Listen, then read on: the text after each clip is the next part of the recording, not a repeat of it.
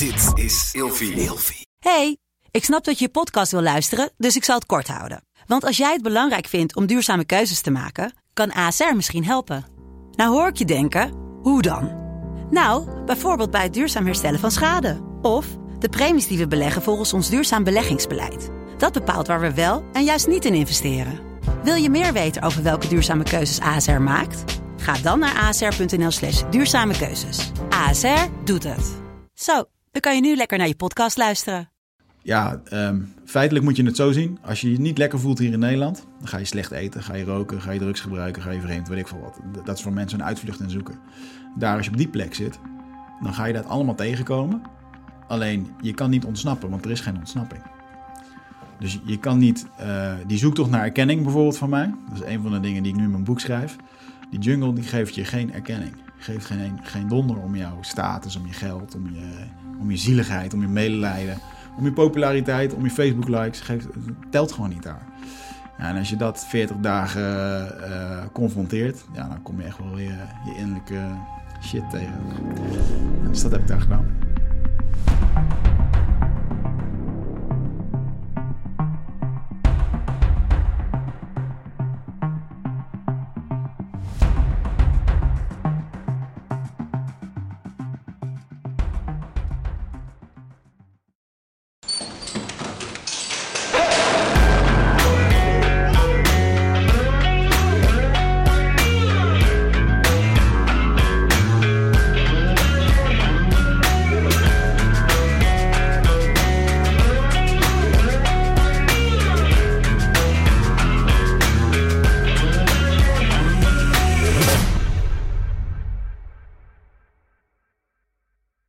Zo, welkom bij Scherpschutters. Yes. Dankjewel. Goed, goed dat jullie er weer allemaal zijn. Nieuwe aflevering.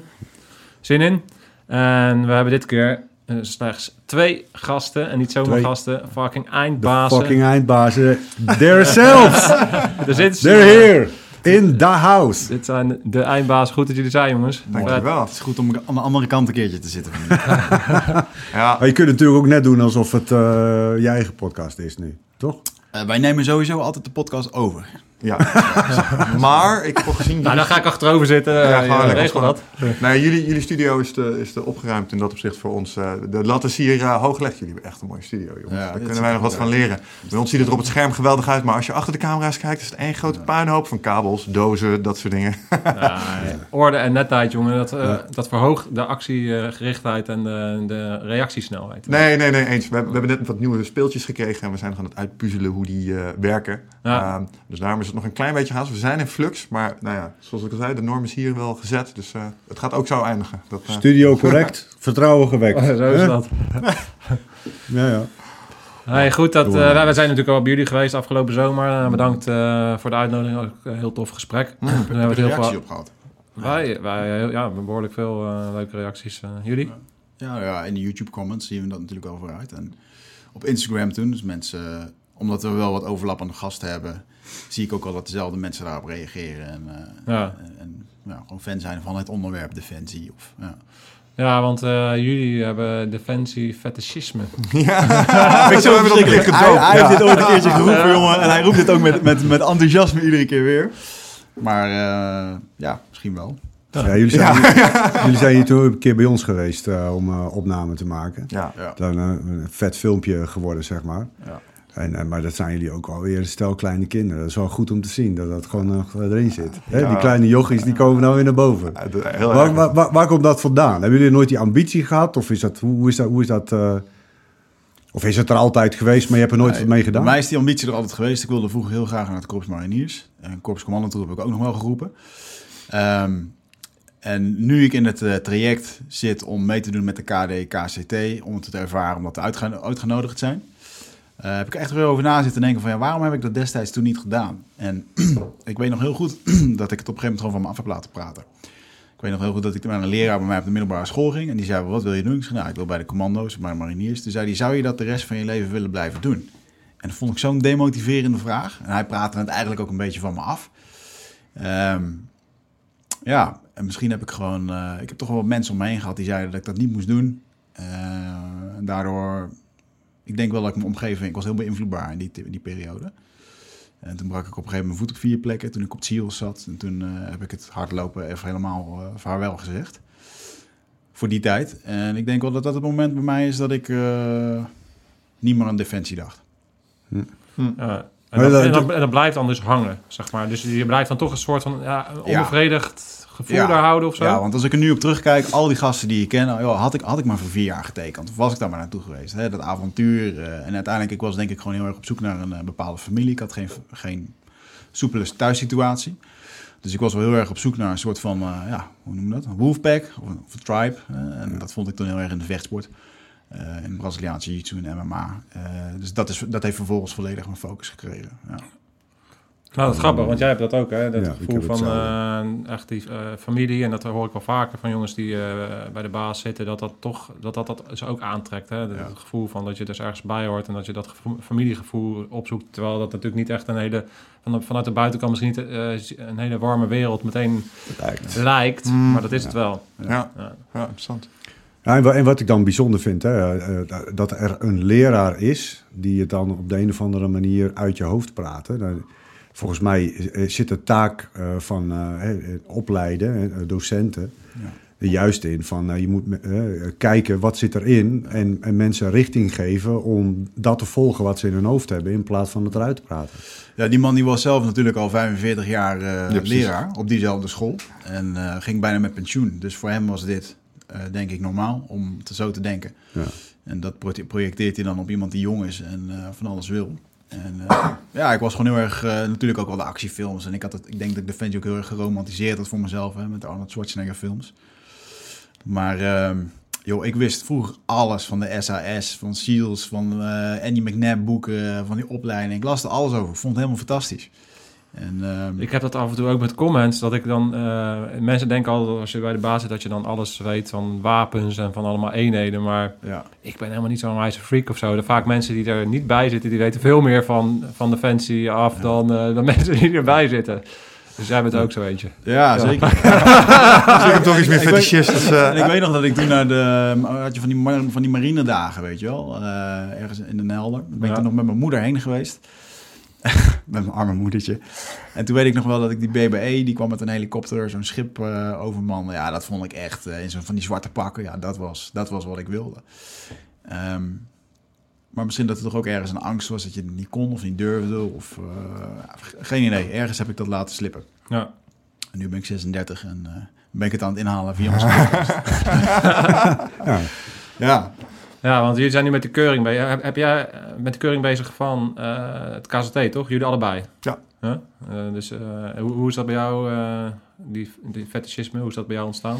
vanuit, ehm, eh, vanuit de familie. Mijn opa was militair. Ja. Uh, mijn vader die, uh, is uh, destijds gewoon opgeroepen geweest voor dienst, maar heeft, is naar justitie gegaan. is altijd regisseur geweest, maar heeft ook bij de militaire eenheid gezeten. En ik denk dat dat wel een beetje doorgeschemerd heeft in mijn opvoeding. Um, en daar werd altijd toch wel met een bepaalde manier over gesproken. En daar kwamen ook wel bepaalde normen en waardekaders vandaan. Ja, mijn vader is nog steeds mijn grootste held. Dus ik had eigenlijk niets liever gewild als daar hem of bij justitie of in ieder geval bij defensie de voettreden volgen. Ja.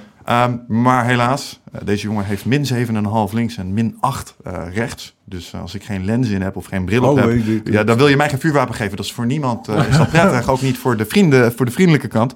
Um, en ik weet nog dat ik me heb uh, aangemeld destijds voor de KMA en voor uh, de politieacademie. Dan krijg je een brief terug met je aanmeldformulier en daar zit één los vel in. En daar staat heel duidelijk, als jouw ogen slechter zijn als uh, zoveel, Ja. don't even try. En, Hoe, wa- uh, hoe was dat voor jou op dat moment? Kut. Ja. Ja, heel kut. Want dat, stiekem wist ik het al. Maar dat was op het moment dat uh, lasercorrectie aan je ogen nog dermate experimenteel was. En onbetaalbaar dat dat niet echt een, uh, een optie was. Dus uh, toen moest ik iets anders gaan kiezen. Ja. En uh, ik denk een beetje hetzelfde als Wichert. Ik zag hier in de podcast en de dingen die we daar konden doen. Plots een kans om daar misschien toch nog een graantje van mee te pikken in dit bestaan. Uh, er toch nog eens even aan te snuffelen. Want uh, mede door de podcast zijn we nu wel in een situatie gekomen. Bijvoorbeeld met de Marshall of die jongens met die snipers mee. Uh, bij jullie hier. Waardoor we er toch een beetje we er aan, door aan kunnen proeven. Toch nog een beetje kunnen meekrijgen. Ja. Als je bijvoorbeeld uh, kijkt naar hoe we nu met uh, de KCT-selectie of met, die, met die dagen omgaan. Ook in de voorbereiding naar, daar naartoe. Nou ja, het is natuurlijk niet hetzelfde als op een basis zitten en helemaal met een groep er naartoe trainen. Maar je, je kan een beetje snuffelen aan hoe zwaar en hoe pittig dat moet zijn. Daardoor krijg je een indruk. En dat wrijft dan misschien ook nog wel een beetje op je af in de andere dingen die je doet. Ja, wat, Dus, wat, eh, wat, wat, je, wat ik me daar ook afvraag, hè, wat, je ook, wat ik ook vaak heb, is defensie is ook een manier, zeker voor mannen, eh, om jezelf een keer echt te testen. Ja. Waar kan je, ik, ik vind vechtsport is heel, heel interessant. Hè? Dus ik kijk ook UFC en die dingen, daar zie ik dat heel erg. Weet je, in die kooi staan, dat is ook een soort ultieme vorm van Ja. je, je mannelijkheid of zo Ja. testen. En, en wie, wat, wat ben je nou echt waard? En eh, defensie, denk ik dat daar ook echt een soort eh, manier voor is. Ja. Eh, herkennen jullie dat? Eén. En, en twee, is wat jullie nu aan het doen zijn toch ook een manier om een soort van aan jezelf te bewijzen dat je toch in je had gehad om dat te bereiken? 100%. Wat ik het mooie vind aan defensie is dat ze het gewoon kwantificeren. Dit is wat er nodig is om een sterke, stoere fan te zijn die goed genoeg is om hier aan mee te mogen doen. Daar hebben ze nummertjes voor. Eh, en dat maakt het heerlijk, want je weet precies waar je staat. Ehm, de, eh, de 6 pull-ups, eh, de 2800 meter rennen, eh, de 30 push-ups en de 40 sit-ups. Eh, je kan precies meten waar je staat ten opzichte van, van, van dat. Dus dat is hartstikke eh, prettig eraan. Dus daarmee kun je jezelf eh, eh, eh, meten. Ja. En, en het wel of niet halen daarvan. Ik merk dat dat ontzettend veel doet met je zelfbeeld. Dus daar bewijs je jezelf eh 100% in. En ik merk dat in de trainingen die we nu aan het doen zijn. Nou ja, ik, ben- ik ben er niet, ik ben niet zo'n atleet als, eh, als Wigert helaas. Dus op sommige punten ben ik gewoon, voldoe ik nog niet aan de norm. Maar het feit dat ik nu sommige vinkjes kan zetten die ik hiervoor nooit had kunnen zetten. Ja. da- daar bewijs ik iets aan mezelf. eh, middels meedoen aan een training richting die dagen. Dus ja, ik denk dat dat klopt wat je zegt. En voor mij is het denk ik een... eh, ja, in de vechtsport heb ik dat ook altijd wel gevonden. Het was inderdaad gewoon een test. hè. Dus ik, eh, of je nou MMA vecht of eh, je zwarte band Braziliaans jiu-jitsu haalt... heeft ook gewoon 16 jaar geduurd voordat ik dat heb gehad. Ja. En nog een van de weinige zwarte banden waarvan ik denk van ja, dat betekent iets. En, Ja. Als je kijkt naar zesjarigen die eh taekwondo zwarte band halen... zo denk ik, is niet echt, eh, dat heeft niet echt waarde. Ehm, maar die, eh, die struggle van twee keer per dag trainen, met je team trainen, ehm, eh, vervolgens in het weekend wedstrijden doen. En ja, die, die, groot, die grote groei die je daar al in maakt, door gewoon al die investering te doen. En dan vervolgens met een plastic beker naar huis te gaan als je hebt gewonnen, of eh, met helemaal niks eh, als je binnen twee minuten bent uitgeschakeld. Plastic beker. Ja, maar even onderdeel, en net hetzelfde met kickboksen met MMA, weet je wel. Ik bedoel, eh, ik moest entreegeld betalen toen ik mijn eerste MMA-wedstrijd vocht. En liet ik Ja. juist de andere kant op slaan, weet je wel. Daar moest ik voor betalen. Ah. Maar ik wilde dat zo graag. Ik vond dat, ja, en dan... en ehm, ondanks dat ik dat stemmetje heel erg in mijn hoofd altijd wel heb gehad van ja, kan ik dit wel? Ben ik er wel goed genoeg in? Ehm, en ik denk dat ik dat ook een beetje miste om, om echt de volledige stap te maken naar het profcircuit. Ah. Zocht ik het toch iedere keer op. Om, om daar toch iedere keer een soort aan eh, te bewijzen van ja, eh, ik wil dit. En hetzelfde nu met die KD, KCT is voor mij wel echt een hele interne drive. Ja, ik ga al die mensen die mij het af hebben gepraat, die wil ik een soort van zien nou. eh, ja, dat is wel de interne motivatie. Wat ik me bij jou eh, afvraag, je geeft aan, ja, mijn eh, thuissituatie, eh, de manier waarop ik opgegroeid ben, is niet altijd ideaal. Ja. Heb je voor jezelf helder ehm, welke dynamiek vanuit die thuissituatie invloed heeft op, Ja. op je bewijsdrang nu? Ja, mijn vader is twee maanden na mijn geboorte overleden. en ehm, eh, daar heb ik gewoon een rolmodel in gemist. En mijn broer die is eh, gedurende nou, zijn tiende tot 21ste een bepaalde ontwikkeling eh, doorgemaakt eh, die dan schizofrenie heet. Dat wisten wij niet. Dus ik heb gewoon tien jaar lang in een huishouden gewoond waar alleen maar geweld was. Huiselijk geweld, fysiek, emotioneel, bloempotten door de ramen. En ja, in de slechte dagen heb ik mijn eigen broer vier keer in een maand overgedragen aan de politie. Omdat hij ja, gewoon in psychose zat, kwamen achteraf achter. En ehm, als je daar middenin zit, en ik vertel dit best wel vaak, dan, dan zie je dat soort shit gewoon niet. Je zit er gewoon in, het gebeurt gewoon.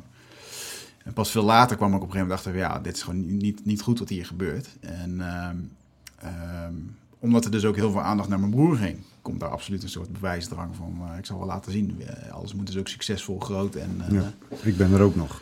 ja, even laten zien dat ik er ben. En eh, ook die erkenning wel. Zit er ook nog, is het echt wel in me, nog steeds. Ja. Ja. En eh, ik weet het steeds beter eh, te, modelleren en te kanaliseren. Maar eh, het zit er wel, ja. Ja.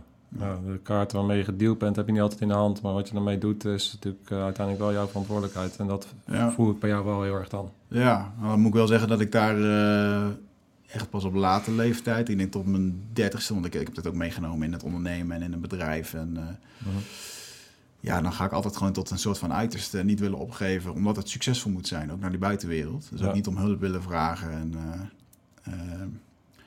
had het toevallig nog gisteren met iemand over dat ik op een gegeven moment, iedere keer als de ruiten bij ons werden doorgegooid, dan belde ik een maatje van mij bij, bij mij op de jiu club. Die was wat ouder.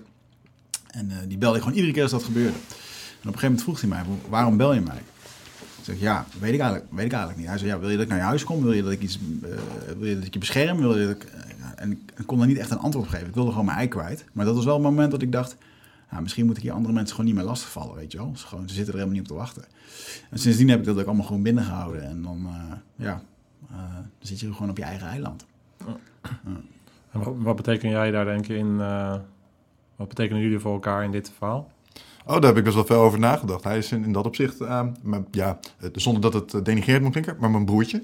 Ja. Uh, ik ken Wigert uh, eigenlijk al best wel lang, vanaf onze jeugd. Uh, ik heb hem meegemaakt in die periode ook. Um, wel op afstand. hij heeft me ook wel eens geholpen met moeilijke periodes in mijn leven navigeren vanuit zijn eigen ervaring. Ja, en daar is een soort broederschap in ontstaan. Ik had wel eens het gevoel dat we, hoewel het een andere vorm had, met dezelfde dynamieken te maken hebben gehad. En nou, hij heeft af en toe wel zo slimme dingen tegen mij kunnen zeggen. En ik hoop andersom ook. Um, en we zochten elkaar toch. Uh, we hebben altijd gezegd: we moeten samen iets gaan doen met elkaar. Ik weet niet waarom, maar dat voelt intuïtief gewoon juist. Wigert was in vechtsportland een van de. Um, je moet het vechtsportcircuit een beetje kennen. maar in, in het vechtsportcircuit is het best wel knap als je ondernemend bent en je hebt je shit goed voor elkaar. En, alle, en de communicatie klopt allemaal en alle afspraken zijn. Je gala begint keurig op tijd. En dat is nog niet helemaal standaard al daar. en Wigert was iemand die had zijn shit wel redelijk goed voor elkaar. Was ondernemend, ook voor zijn leeftijd al. Ik weet nog dat hij mij een keer een document stuurde met allemaal businessplannen. Toen was ik wat 19 of 20 of zo. dacht ik, deze gast denkt op een andere manier.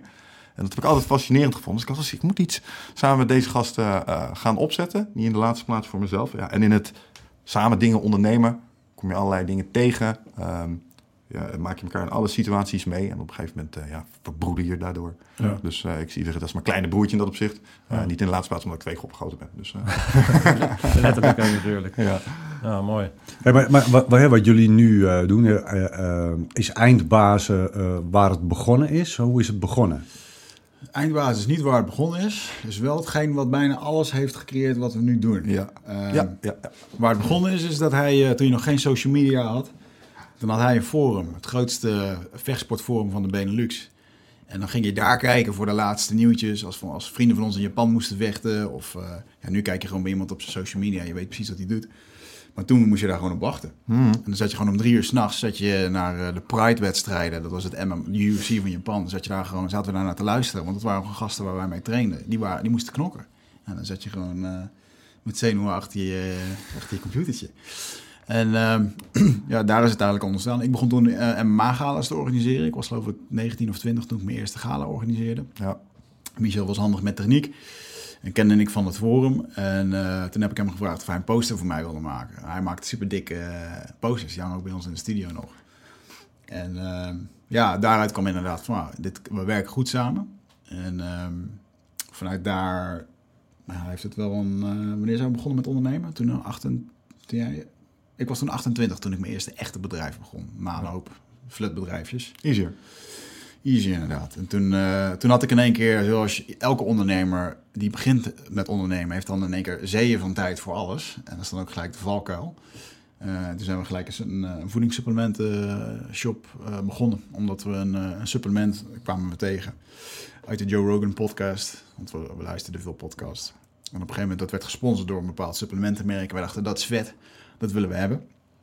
En eerst wilden we dat zelf namaken, maar toen dachten we, nou, we gaan dat gewoon uh, distribueren hier. En dat, dat hebben we ook gedaan. En, uh, dat, is, dat is Nutrofit. Ja. Nutrofit is de webshop en Onnet was dat merk. Ja. En, uh, heel super dik merk. En we verkopen Nutropica, gezonde supplementen en dingen. Maar gewoon een vette branding ook.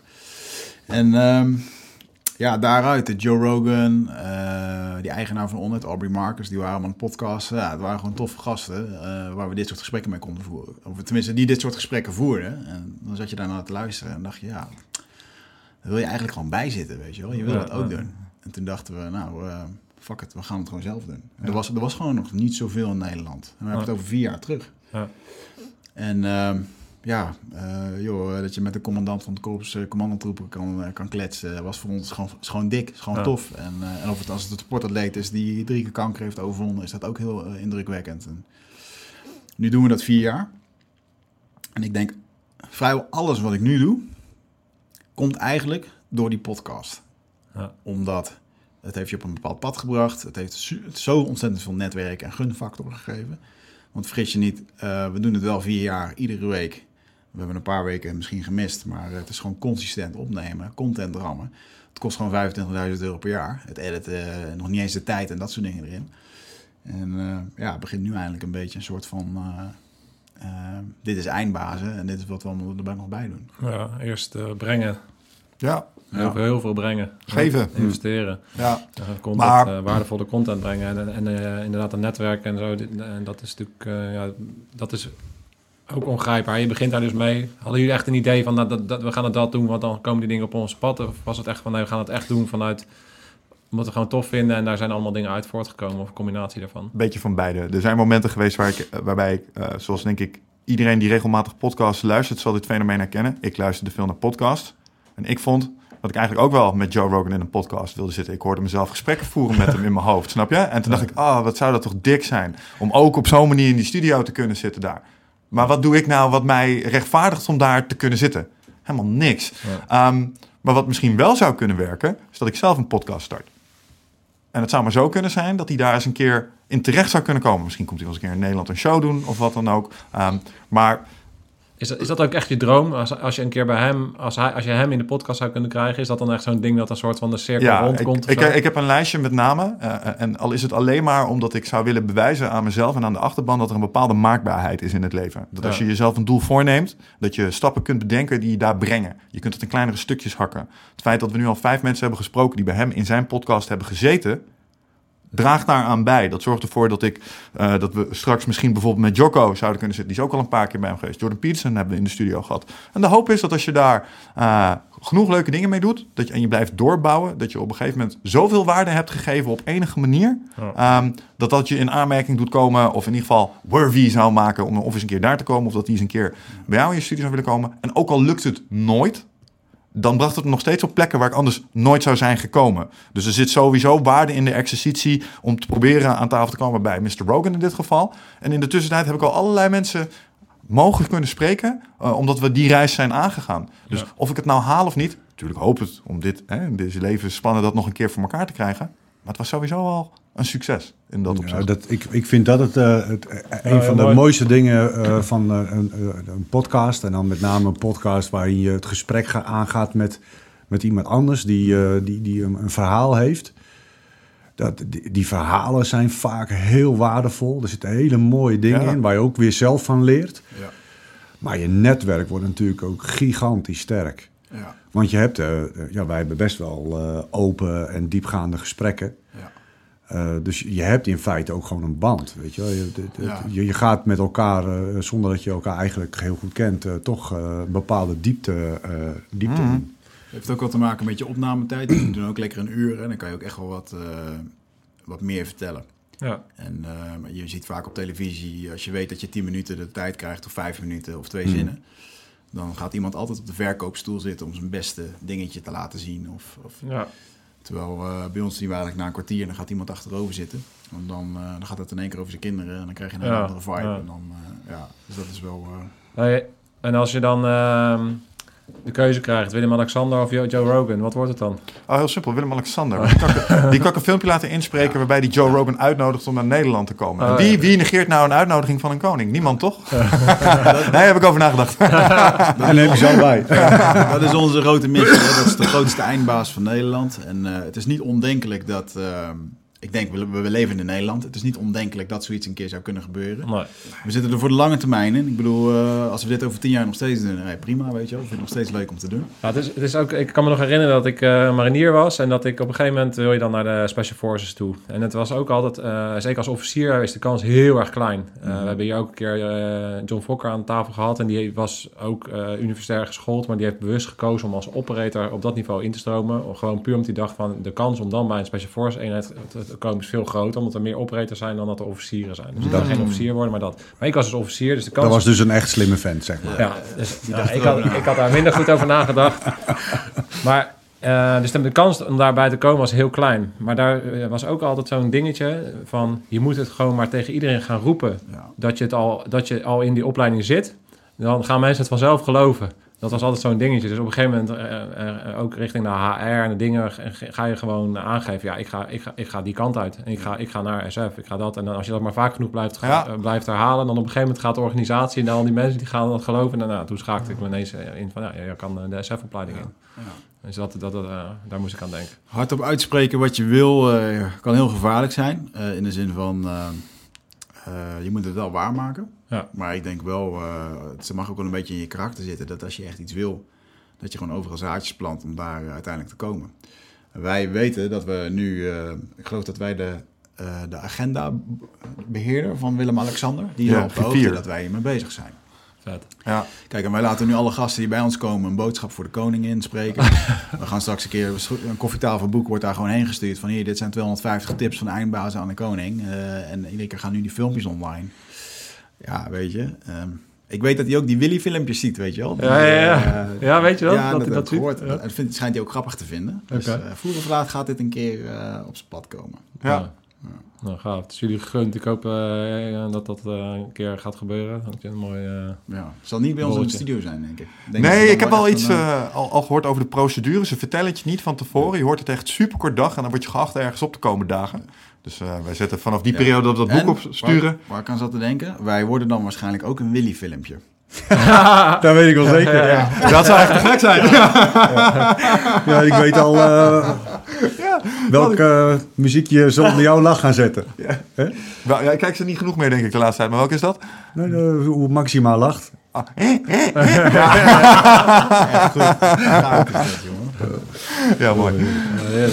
Hey, eh, de, de naam Eindbaas, hoe komen jullie aan? Want het is godverdomme een goede naam, man. Eh, Ja. die, die, eh, die was er al niet meer. hè? We, we zaten in het begin echt te denken, high performance podcast, weet je, want daar zaten we natuurlijk ook weer met het supplementenmerk en zo. Het ging allemaal over concentratie en flow. En, en ik weet niet, volgens mij heb ik het ergens een keer eh, bedacht. En in het begin vond het een beetje, ja, maar eindbazen kun je dan, kun je dan wel bij bedrijven binnenkomen? En, eh, want er zaten we ook heel erg over na. Wat dat betreft kunnen wij af en toe wel een beetje doordenken af en toe.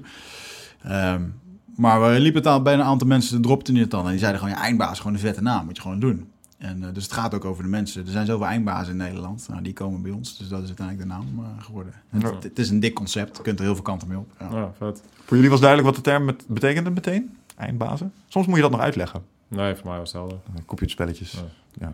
Oh, Ja, jij relateert aan de computerspelletjes. Maar voor mij is het meer gewoon de straattaal voor iemand die gewoon een fucking basis is. Weet je Ja. wel. Ja, daar ja. Ja, dus je kan ook alle Beide. kanten uit. Ook omdat je natuurlijk al die spek... eh, Wij richten ons natuurlijk toch meer vanuit... Omdat wij, wij heel erg vanuit de achtergrond... Vanuit onze achtergrond vaak connectie maken. Dus we ook vaak onze eigen wereld daarin betrekken met de gasten. Of dat nou een ondernemer is of een militair. Dat maakt dan in die zin niet uit. Maar eindbaas is natuurlijk wel... eh, ja, jullie, jullie spectrum is veel breder. hè. Ja. Ja. Eh, dus jullie kijken echt naar allerlei vlakken. eh, Ja. eh, van eh, wetenschap tot en met eh, schrijvers tot en met... eh, Ik merk wel dat er een mooie verschuiving in komt. Dat de lat komt wel hoger te liggen. Dus Mhm. de mensen, sommige mensen zeggen we nu nee tegen die ja, echt wel veel weten. Maar die gewoon misschien niet meer passen in wat er nu in de lijn is geweest. Dus ik ben me wel heel bewust dat eh, we doen het voor onszelf, het podcasten. Je moet met iedereen een tof gesprek kunnen doen die je wil. Ehm, maar het is wel echt het doel dat er gewoon eh, ja, de A-spelers... eh, Ja, wat, ik daar nu ook in begin te merken, en dat hebben jullie natuurlijk ook, dat eh, het, soort gasten wat je dus eh, door de, de die hebt, ook steeds eh, verhoogt. Wat voor gasten. Laatst had- sprak ik iemand die zei van een, eh, dat ik da- eerst dacht, nou, ik weet niet of hij dat wel eh, ga- gaat doen. En toen zei, toen zei hij eigenlijk van, nou, ik zou vereerd zijn om in het rijtje wat jullie al gehad hebben, om daarnaast te komen zitten. En dat is hem. Ja, weet je, dus dan, dan die track record eh, moet je ook eerst opbouwen. Dus ook gewoon weer doen. We noemden het altijd breekijzers. Ja. Ons eerste breekijzer was in dat opzicht Jos Burgers. Die Ja. had wel enige naamsbekendheid. En toen wou Remco Klaassen ineens wel komen. En zo kwam je langzaam maar zeker bij steeds grotere namen. Toen kwam Guido Wijs een keer. Toen had je het BN'er-segment een klein beetje aangeboord. Ja. En laatst hebben we dan Giel gehad. En dan merk je, ja, dat is echt een... Die gast die vindt het leuk, die wil je graag helpen. En ineens krijg je eh, ne- eh, zeg maar telefoonnummers van mensen die je al een tijd probeert te bereiken. En dat lukt dan niet. Eh, en dan ineens kun je er wel doorheen. Dus je merkt ook dat je, ja, wat jij al zei, je netwerk neemt toe.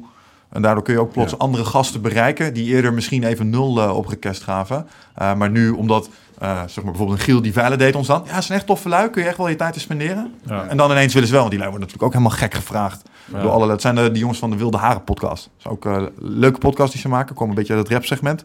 Nou, eerst we hebben ze een beetje, mailtje heen gestuurd. Dus ja, ik krijg veel van dat soort verzoekjes denk ik. Maar als het dan via Giel komt, Dan ineens dan krijgen we het nummer en dan mogen we bellen met ze. Dus dat is wel heel erg leuk. Dus zo kun je steeds een beetje elevaten.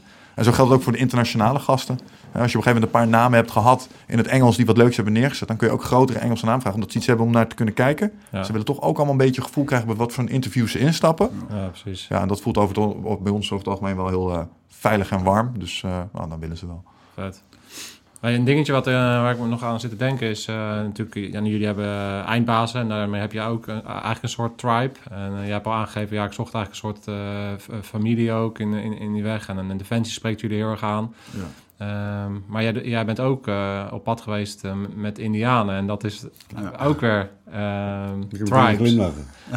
Ja, dus ik ja. wat, wat, heb jij, wat heb je precies allemaal gedaan daar? Ja, hoe kom ik bij een Indianenstam terecht? Ja, ik ben op een gegeven moment eh, eh, gaan ondernemen. eh, van een succesvolle baan opgezegd eh, richting het ondernemer, waar een start-up waar alles fout ging. Investeringen opgehaald. Ik dacht dat ik een nieuwe Google zou worden. Dat is niet gelukt. en daardoor ben ik alles kwijtgeraakt en eh, eindigde ik tien maanden op kantoor slapen. Eh, relatie kwijtgeraakt, huis, eh, geld, alles. En eh, ja, ik zat helemaal vast. En in die tijd heb ik gewoon heel veel... was echt mijn om- een keerpunt in mijn leven waarbij ik begon met persoonlijke groei. En in die reis van persoonlijke groei begon ik ook met ja, ayahuasca. En dat is dan een medicijn wat die indianen drinken om eh, visioenen over zichzelf te krijgen of eh, inzichten over zichzelf te krijgen. En eh, daar kwam ik op door de podcast in Amerika. Door, mede door Joe Rogan. En toen dacht ik, fuck man, als die gasten daar eens over zitten lullen en over ja, toch wel spirituele inzichten, terwijl ze voor mijn ogen niet heel spiritueel waren of zo. Of tenminste op een toffe manier, zoals ik er nog niet kennis mee had gemaakt. Toen dacht ik, ja, ik moet dat ook doen. Dus toen heb ik dat een paar keer gedaan. En eh, nou, ik sprak eerder al over mijn overleden vader. En ik heb in zo'n ayahuasca-visioen eh, heb ik acht uur lang een gesprek gehad met mijn overleden vader. En eh, dat heeft voor mij zoveel impact gemaakt. dat ik toen dacht voor mij, oké, dit is voor mij de weg om, om antwoorden te vinden. En eh, dat is niet opgehouden. en toen ik op een gegeven moment dus in die burn-out zat eh, van het bedrijf... ehm, en gewoon op zoek was naar antwoorden. Toen heb ik zo'n eh, sessie gedaan. En toen had ik een visioen dat ik mijn bedrijf zou verkopen. En dat ik naar de jungle zou gaan een half jaar later. En eh, zo is het exact gegaan. En bij die jungle heb ik een ritueel gedaan... wat eh, zij al eeuwenlang doen om als het ware je ziel te reinigen... en jezelf te herprogrammeren als een beter mens. En dat betekent dat je 40 dagen in een eh, hutje wordt gezet eh, in een plek die heet de Heilige Ruimte. Een plek waar niemand komt, twee uur vanaf het eh Indianendorp. En daar zit je gewoon 40 dagen lang zonder, zonder water, zonder suiker, zonder zout, geen seks, geen vlees. Een soort schuttersputje. Ehm, ik mocht dan alleen een soort aardappelsoep drinken. En daarin werk je dan heel veel met shamanen en allerlei plantmedicijnen. En ja, ehm, feitelijk moet je het zo zien. Als je je niet lekker voelt hier in Nederland, dan ga je slecht eten, ga je roken, ga je drugs gebruiken, ga je vreemd, weet ik veel wat. Dat is voor mensen een uitvlucht en zoeken. Daar, als je op die plek zit, dan ga je dat allemaal tegenkomen.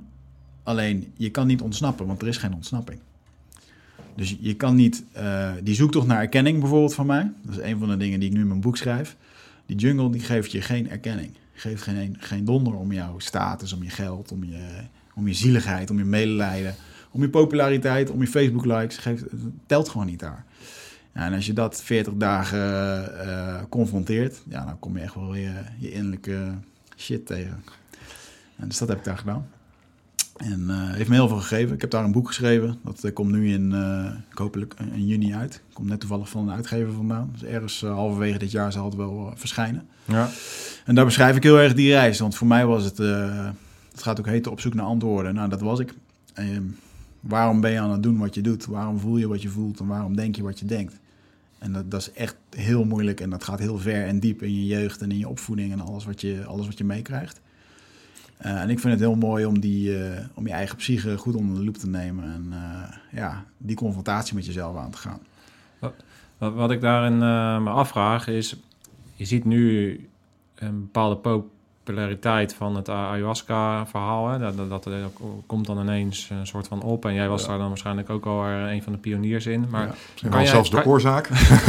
de oorzaken. medeoorzaken, ja. kan, kan jij verklaren ten eerste waarom jij zocht naar een middel om Ja. een bepaald doel te bereiken en waarom ayahuasca zo populair is geworden Ja. de afgelopen jaren? Ik had heel veel moeite om ehm, dingen uit mezelf te kunnen verklaren of te kunnen voelen. Dus eh, gewoon eh, vertellen hoe je je voelt. Ik heb me door al die shit die ik heb meegemaakt, dat ik me, heb, ben ik gewoon een betonblok geworden. Eh, vechtsport, afleiding, twee keer per dag sporten, veel reizen, hard werken, in het weekend alcohol drinken, drugs gebruiken. Alles om maar niet naar jezelf te hoeven kijken. Hè? En ehm, eh, ja, dat heb ik echt allemaal wel gedaan. En, en toen ik op een gegeven moment die eerste ervaring had, joh, dat was voor mij, dat was echt alsof ik het beleefde. En daardoor voelde ik het ook heel erg. En toen was voor mij echt een soort van alsof er een, een blok beton om mij heen brak. Waardoor ik in één keer gewoon beter bij mijn gevoel kon komen. En dat ik dacht, shit man, ik loop gewoon tien jaar lang al met dit soort shit rond. En ik ben er nu eindelijk achter waarom. Gewoon omdat nooit iemand me daarop had gewezen. Of ja, Dat je bepaalde dingen gemist hebt in je jeugd. Ja. En eh, Ja. dingen die dan eh, niet lekker zijn om naartoe te gaan. Ja, ja en, dat, en ze inderdaad confronterend om daar naartoe te gaan. Of eh, je wil daar niet over nadenken. En misschien was ik ook nog niet klaar voor op dat Mhm. moment. En, ehm, dus voor mij, eh, voor mij was het vooral, eh, oké, ik drink iets en er komt echt een fysieke ervaring waardoor ik van allerlei ga voelen. En nu ben ik ervan overtuigd dat dit lang niet voor iedereen is. Maar ik weet wel, en ik adviseer ik ook niet aan iedereen hoor, maar voor mij is dit wel echt, dat is gewoon mijn pad, het is mijn weg, weet je wel. En Mhm. ik doe het echt niet iedere week. Maar ehm, eh, ja, ik ben ook nu Af en toe een lekker kopje thee, dat eh, gaat er wel in. ja, of, maar als ik bij, en zeker als ik bij de Indianen ben, ja, daar doen ze het iedere week, snap je? En ehm, eh, ja, voor mij is het een, een mooie manier om in contact met mezelf te komen. Maar ik ben er ook van teruggekomen de afgelopen jaren. Dat, je zelf, dat er heel veel andere manieren zijn om, om dat ook te kunnen doen.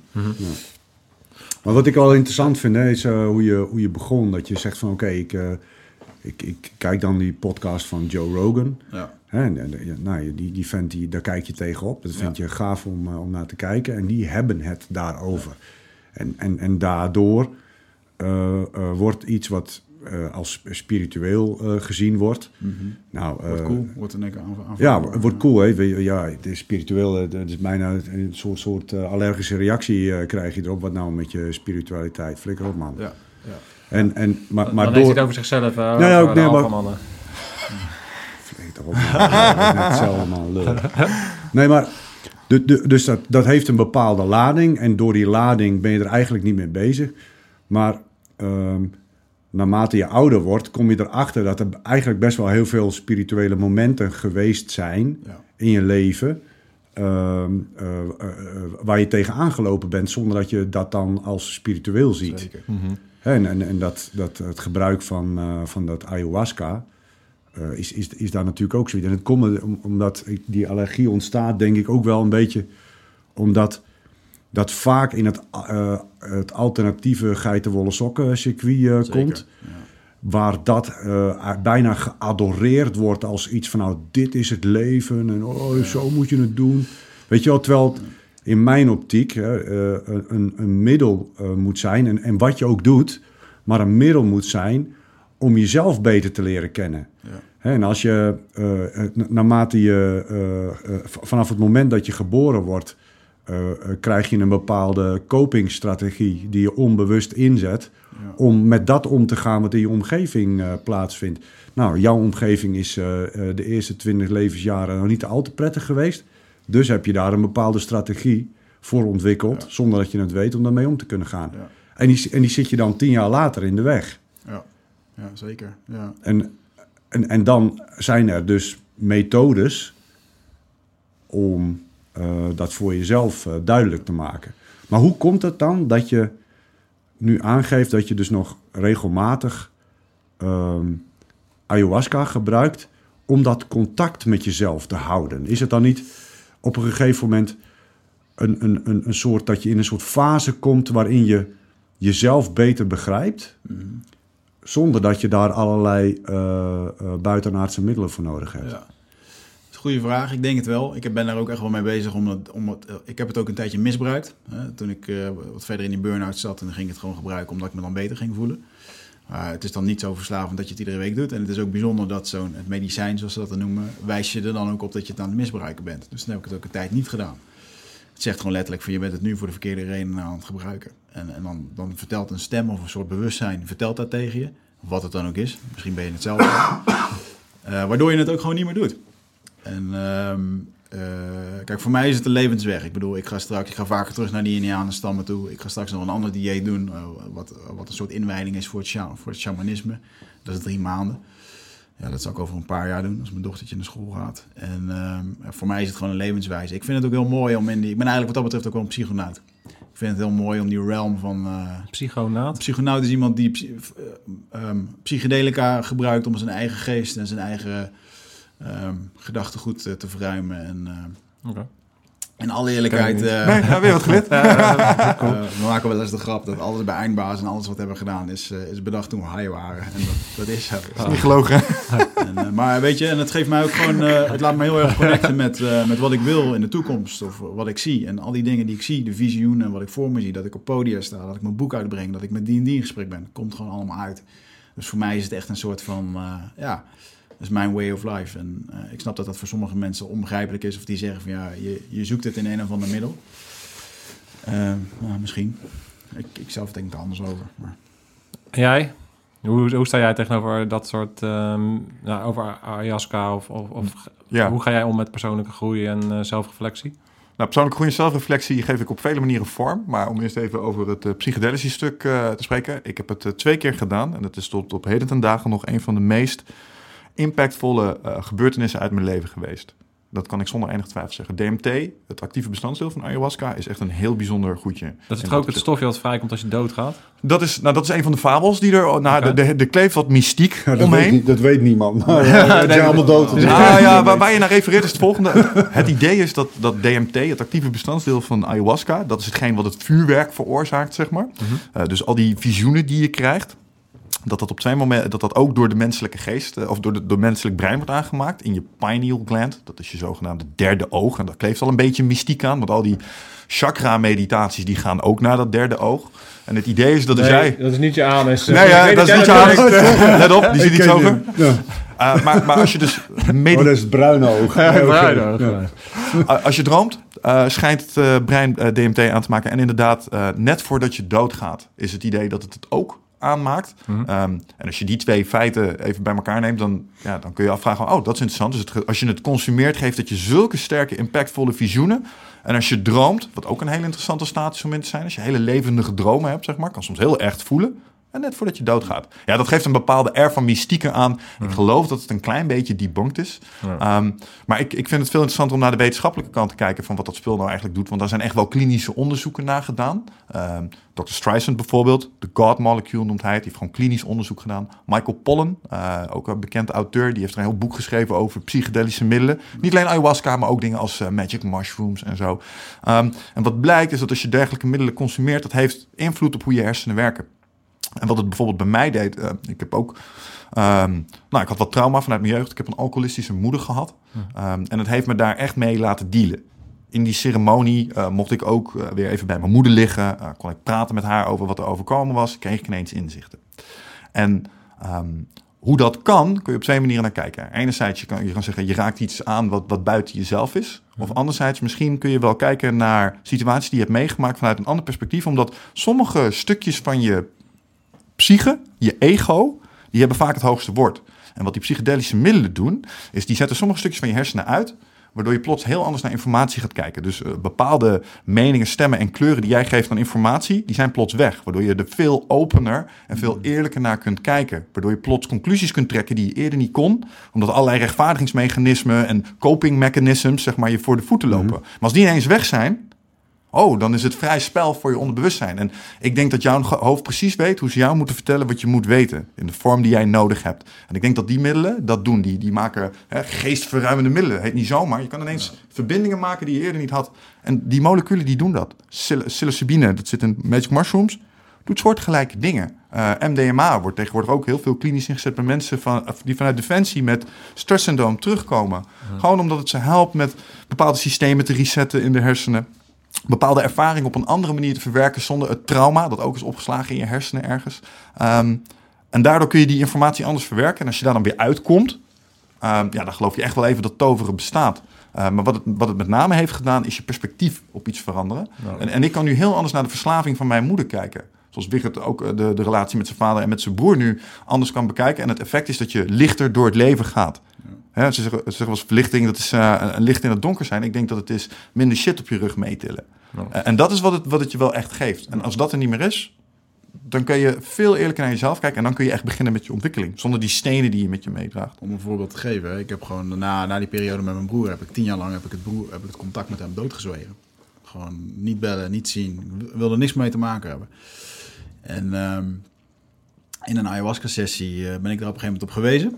En toen, ehm, toen ik op een gegeven moment... eh, Maar in je hoofd, in je hoofd op gewezen? Nee, ik, toen dat ik dat iemand dat tegen jou zei had, van... toen, ik, eh, ja, toen ik voor het eerst dat gesprek had met mijn vader, toen Ja. eh, ehm, fantastisch gesprek, euforische avond. En op een gegeven moment begon hij te vragen naar de rest van mijn familie. Hoe is het met je oma, hoe is het met je moeder? En ik voelde het al een beetje. En oh fuck, hier gaan we.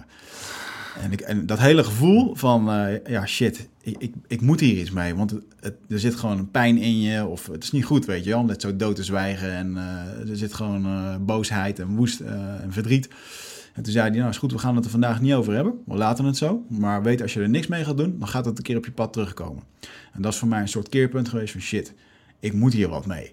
En ehm, een aantal jaar later, ehm, toen eh, heb ik in een ayahuasca-ceremonie heb ik bewust ge- gekozen, oké, ik wil wat met die relatie van mijn broer. En ehm, toen heeft het mij vier seconden laten kijken door de ogen van mijn broer. Ehm, en toen heb ik dus vier seconden in het hoofd gezeten van iemand die in een psychose leeft.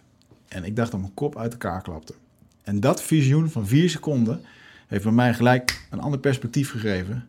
Van shit, hij wilde dit ook helemaal niet. Is niet dat hij mij expres bloempot om mijn oren heen gooide. Of eh, hij voelde zich ook niet gezien of gehoord. Of had ook al verdriet en moeite. Wilde ook zijn plek hebben. eh, en kreeg dat ook niet op zijn manier. En, en dat perspectief, jongen, daardoor kon ik hem gewoon in één keer vergeven. En drie weken later heb ik hem weer gezien en hebben we vrede gesloten. En anders had ik gewoon nog twintig jaar rondgelopen met die shit. En daar word je gewoon ziek van.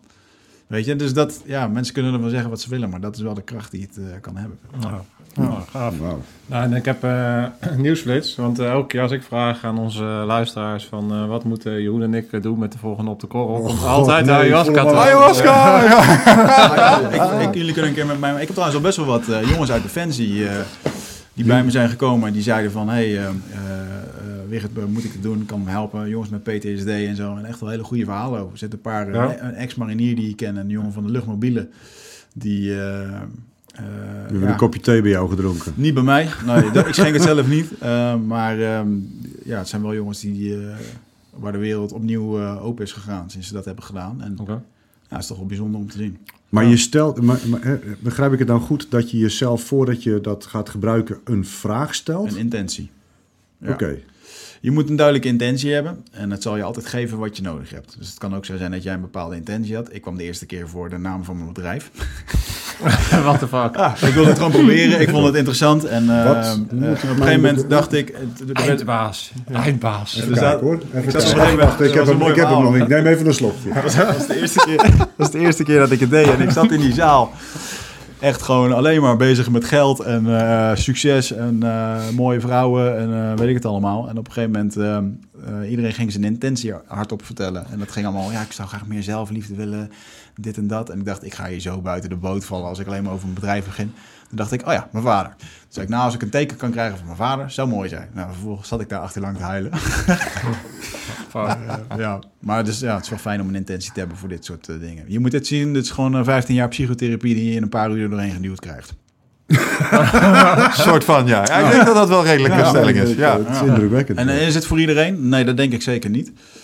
Ehm, eh, je moet, eh, ik denk dat je mentaal en emotioneel stabiel mag zijn. En eh, misschien ook wel eens naar jezelf mag hebben gekeken. Of misschien een keer met een therapeut gepraat hebben. Of überhaupt over je gevoel gepraat hebben. Dat is wel een beetje tegenstrijdig wat je aangeeft. Want eh, de eerste keer dat jij ayahuasca ging gebruiken, denk ik niet dat jij omschreven zou worden vanuit buitenaf als een stabiel. eh, of, of Ja, ik was wel... was ik- je wel stabiel? Ja, ik was mentaal en fysiek heel stabiel en, en emotioneel ook. Alleen ik was totaal niet open of, of ehm, kon niet goed naar mezelf kijken, zeg maar. Maar ik, eh, met eh, stabiel bedoel ik, ehm, je kan heel erg labiel zijn met depressies of met eh Mm, ja. mood swings. Of nee, ik, ik had echt wel gewoon zin in het leven. Ik vond het wel tof. Ik was Ik was wel gekke dingen aan het doen. Maar eh, ik heb altijd van het leven gehouden wat dat betreft. Ja. Ja, En er komt natuurlijk ook een stukje scheikunde bij kijken. Ehm, in die zin, je gaat die weer? ja, we Ja, hebben- hey, luister. Maar- Jut en Jul, maar dan anders. We hebben het daar, ik heb het daar live gezien. dat mensen die misschien het eh, eh, iets minder nauw namen met de voor- veiligheidsvoorschriften die worden gegeven, want die worden wel echt duidelijk gegeven aan de voorkant. Het is niet zomaar iets, het is een ordeal. Um, Het is niet voor niets dat er emmertjes eh, bij alle matrasjes staan. Eh, dat vond ik een van de meest intimiderende dingen toen ik in de ceremonie aankwam. Van oh ja, this is real, weet je. Want sommige mensen moeten heel erg over hun nek, voor sommige mensen is het heel erg emotioneel. En wat ze duidelijk van tevoren zeggen is, hey, als jij aan de antidepressiva bent, of jij bent aan andere middelen, zeg maar, die jouw eh, hersenchemie beïnvloeden, niet doen dit. Dit is, niet, eh, dit is niet voor jou en die interacties zijn niet positief. Nou, en we hebben gezien dat daar iemand eh, nou, daar niet zo nauw mee heeft genomen. Die heeft een hele moeilijke, zware avond gehad. Eh, omdat die interacties tussen enerzijds eh, DMT en anderzijds wat het ook maar is wat er in die eh, antidepressiva bijvoorbeeld zitten, eh, die kunnen geen feestje met elkaar bouwen. Ja. Ehm, dus in dat opzicht, als jij in iets minder stabiel vaarwater zit en je bent bijvoorbeeld aan de medicatie, ja, dan moet je dat wel even goed overleg doen met eh, degene die je zorg eh, verleent, eh, voordat je daar inspringt. En Ja, ik denk dat dat ja. ook is wat Wigert probeert te zeggen. Oké. Nice.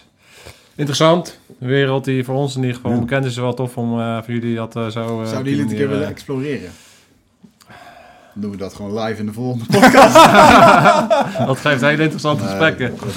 bij Wim Hof eh, zag eh, Jeroen al dode mensen, dus... eh, Ja, ben benieuwd. Ja. Dat- maar, dat, dat, maar dat zijn, dat zijn op zich zo'n. Wim methode. Hè? Of eh, je hebt ook van die ultrarunners die lang lopen te lopen en dat je op een gegeven moment dingen gaat zien, eh, meditaties, dingen. ik heb heel allemaal- veel roze olifantjes gezien tijdens de opleiding. Ja, dat zijn, dat, zijn al, eh, dat zijn al bepaalde vormen. En al die inheemse culturen zie je dit soort, dat, ze, dat ze vasten, dat ze zichzelf een tijd lang niet slapen of opsluiten in een bepaalde grot. Als je dat lang genoeg doet, dan ga je vanzelf visioenen krijgen of dingen zien. En dat komt gewoon omdat je je brein gaat prikkels aanmaken. Ja. Waar dat dan vandaan komt of hoe dat het werkt, ja, dat is dan, weet ik ook niet. Ja.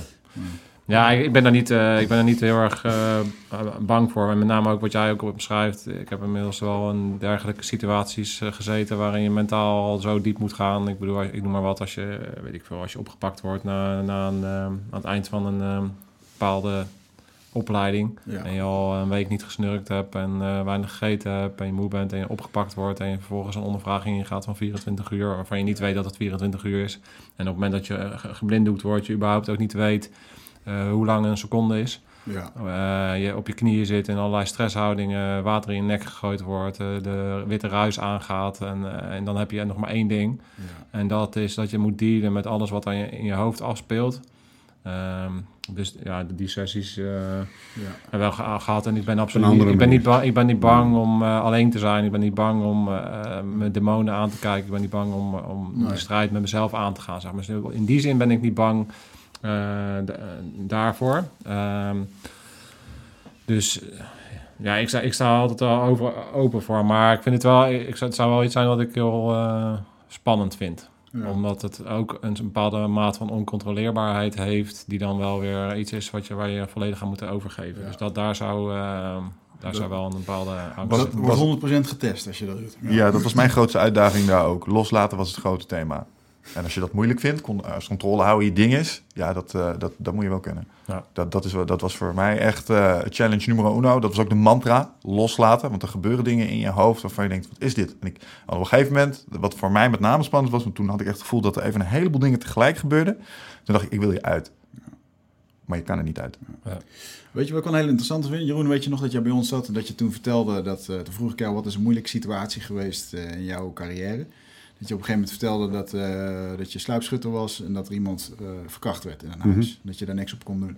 Ik weet nog dat ik een aantal weken later eh, was ik bij het KCT en dan vertelde de woordvoerder mij, voor de docu die we aan het opnemen zijn, dat PTSD voornamelijk voortkomt uit onmacht. Mhm. Daar ontstaat trauma vaak. Hè? Gewoon het zien, het niet kunnen reageren. o- Of fysiek niet, of gewoon in jouw situatie bijvoorbeeld. En dan denk ik eigenlijk, alle dingen die, die wij bijvoorbeeld hierin hebben opgelost. Ook jij bijvoorbeeld met je moeder en, eh, en ik met mijn pa. Is allemaal een vorm van onmacht. Overkomt je gewoon, weet je wel. Omdat je, je bent jong, je weet niet hoe je ermee moet handelen. Eh, dus, ja, het is toch een soort van trauma waar iedereen... eh, ik denk dat iedereen ermee te maken heeft in zijn leven. Iedereen heeft trauma gehad. Ja. Eh, anderzijds, als je denkt dat je er geen last van hebt en je bent gelukkig, hè, man, dan, dan, eh, ja, dan is dat zo. Dat is geen must of zo. het Ja, nee. ja. Ja, in die zin eh, kan ik me voorstellen dat het ook meespeelt van ja, ik heb geen zin om dingen ik- open te halen. eh, Die Nee, nou ja, dat, die- dat, die dat, dat, zitten. vind ik spannend. Hè? Als ik dit zo hoor, dan denk ik van wow, weet je wel, dat is echt heftig. Ja, En ehm, eh, ik, mijn, angst om dit te, zou- te doen zou dan zijn van... godverdomme, wat komt er naar boven? ja. dat had ik ook. Eh, terwijl ik eh, eh, gelukkig ben en... eh, Ja. Ja, en- en- maar, maar me ook realiseer dat, dat zeg maar de manier waarop ik in bepaalde situaties reageert... eh, voortkomt eh, uit wat ik heb meegemaakt. ja, En eh, terwijl ik weet op dat moment, als ik reageer, dat het niet de juiste manier is. Ja. En heel vaak ben ik er dat voor. Hè? Dus dan is mijn primaire gevoel dit, maar ik doe dat waarvan ik weet dat het beter is. Ja. Maar soms kan het ook zo heftig zijn, of, of, of, of hè, dan, dan, dan eh, spelen er zoveel dingen dat je s- gewoon even niet eh, goed in je vel zit. Dat het wel gebeurt. ja. Je hebt het pas door op het moment dat het weg is.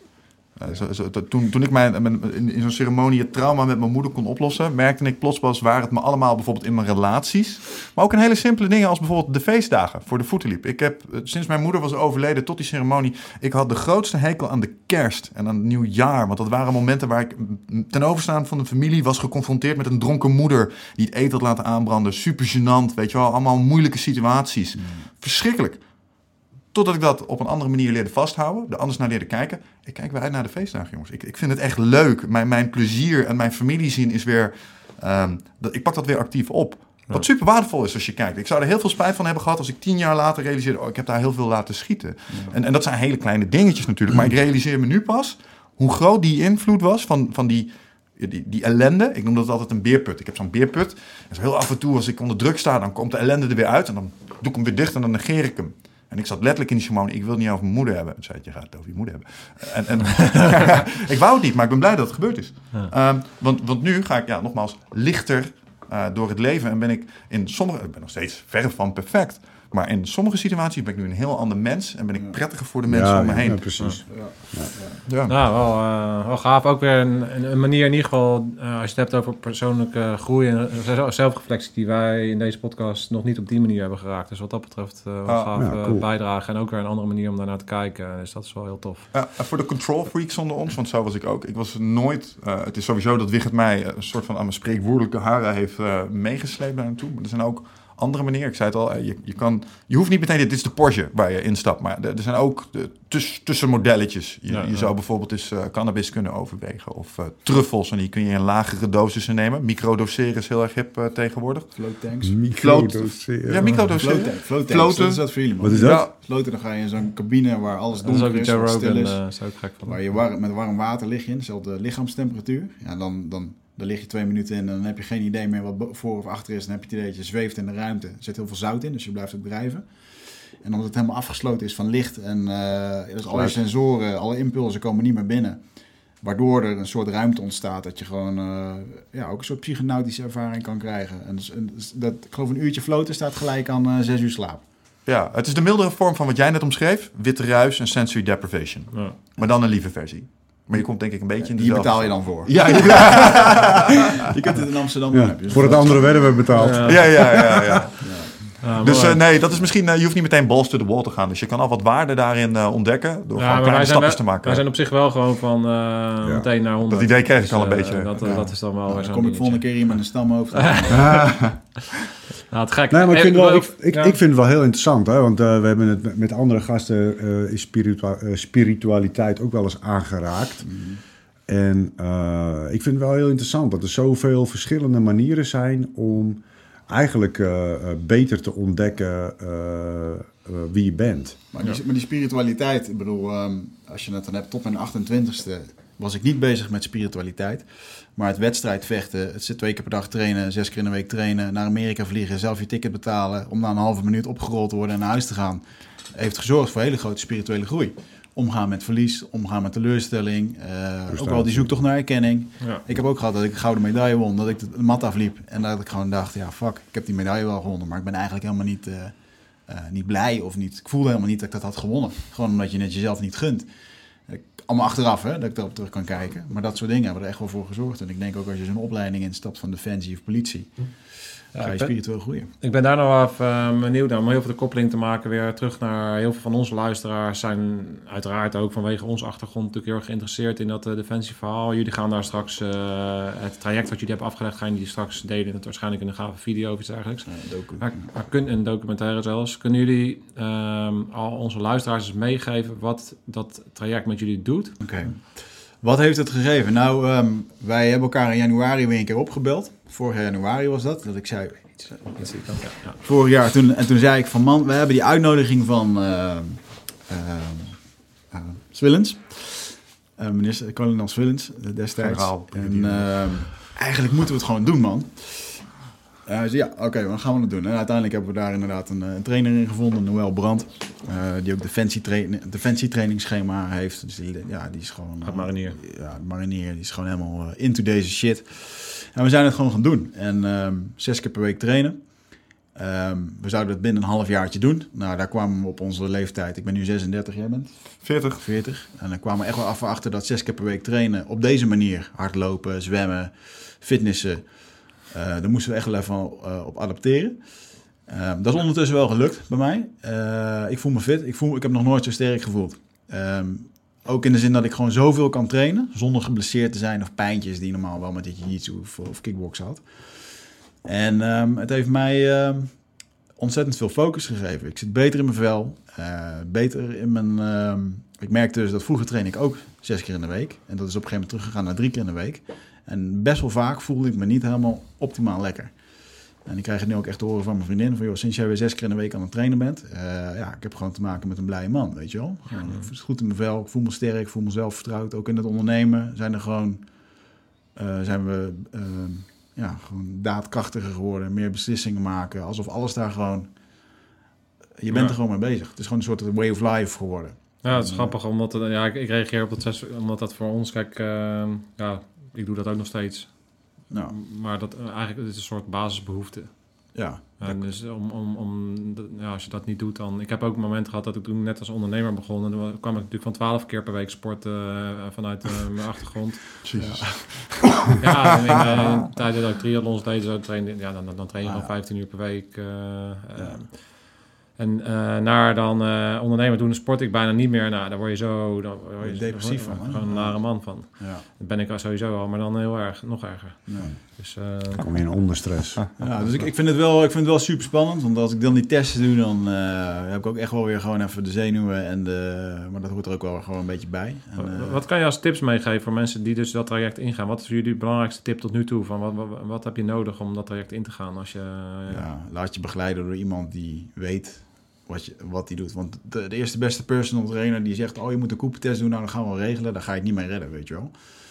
Dus eh, zorg dat je alsjeblieft in de leer gaat bij iemand die het heeft gedaan. Ja. En eh, we hebben die dan in eh, Noël gevonden. Ja.